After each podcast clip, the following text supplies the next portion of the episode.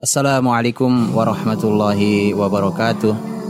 Saudaraku pecinta Rasulullah Shallallahu Alaihi Wasallam yang dicintai dan semoga diampuni Allah Subhanahu Wa Taala. Saat ini kita sedang membuktikan cinta kita kepada Rasul kita Muhammad Shallallahu Alaihi Wasallam dengan mempelajari setiap jengkal perjalanan hidup beliau. Kajian Sirah Nabawiyah ini dipersembahkan oleh Akademi Siroh dan Al-Fatih.tv ya Bismillah. Alhamdulillah. Wassalatu wassalamu ala rasulillah. Wa ba'd. Abdurrahman Putra Abu Bakar As-Siddiq radhiyallahu anhuma.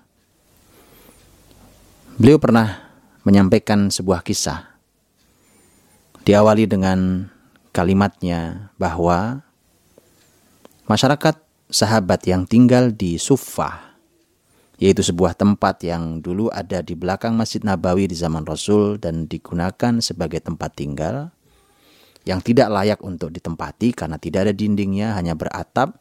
Kalau panas sangat panas. Cuacanya kalau sedang dingin begitu menggigil. Mereka menempati tempat itu. Dan tempat-tempat dan tempat ini adalah bagi para sahabat yang tidak memiliki pekerjaan tetap, para sahabat yang datang tidak memiliki harta, tidak punya sanak saudara dan tidak punya rumah di kota Madinah. Mereka adalah orang-orang miskin, kata Abdurrahman. Suatu hari Rasulullah Shallallahu Alaihi Wasallam bersabda, ini sebagai sebuah solusi bagi keadaan kemiskinan ini. Apa sabda Nabi itu? Nabi mengatakan, siapa yang memiliki makanan untuk dua orang, maka bawalah orang yang ketiga.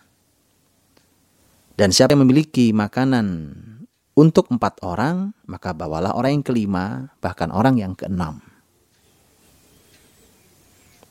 Ini sebuah solusi, yaitu kebersamaan, membawa saudaranya untuk makan bersama.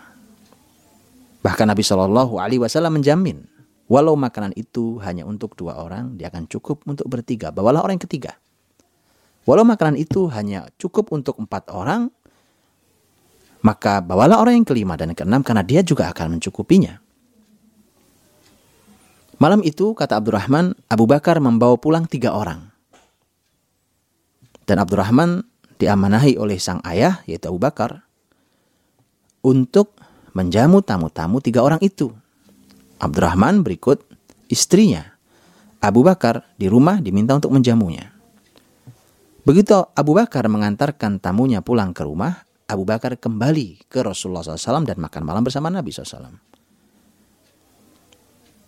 Sampailah Rasulullah SAW mengantuk baru Abu Bakar pulang. Begitu sampai di rumah, ternyata Abdurrahman bersembunyi. Dia takut. Karena kalau sampai Abu Bakar tahu maka pasti marah dan benar Abu Bakar marah. Yang membuat Abu Bakar marah adalah ternyata tamunya belum makan. Bukan salah keluarganya. Keluarganya sudah menawarkan berkali-kali. Tetapi tamunya tidak mau makan sampai Abu Bakar datang. Abu Bakar sempat bersumpah tidak mau menyentuh makanan itu. Tapi begitu tamunya mulai makan, ternyata ada keajaiban. Keajaiban itu sampai Abu Bakar bertanya pada istrinya, apa ini? Ya ukhta Bani Firas, mahada. Istrinya menceritakan apa keajaiban itu. Ternyata setiap tamunya makan tidak berkurang makanan itu. Ini ajaib. Justru kata istrinya bertambah tiga kali lipat makanan itu. Bahkan kemudian esok paginya dibawa makanan itu ke Rasulullah SAW. Dan hari itu makanan itu digunakan untuk menjamu 12 rombongan. Subhanallah. Kisah ini dikisahkan, diriwayatkan dalam Sahih Bukhari dan Sahih Muslim. Maka mari kita belajar. Kalau keberkahan sudah hadir, kalau keberkahan itu ada, maka yang sedikit akan mencukupi untuk banyak orang. Karenanya, kalau ternyata ada sesuatu yang banyak tapi tidak mencukupi maka perhatikan jangan-jangan hilang keberkahannya maka semoga apa yang kita miliki walau jumlahnya sedikit maka mudah-mudahan diberkahi Allah karena yang sedikit itu jika diberkahi maka cukup untuk kita. Maka ambil keberkahannya. Mudah-mudahan Allah memberkahi kita semuanya. Wallahu alam bisawab. Untuk informasi yang lebih mendalam seputar Sirah Nabawiyah, silahkan kunjungi www.akademisirah.com. Ya Rasulullah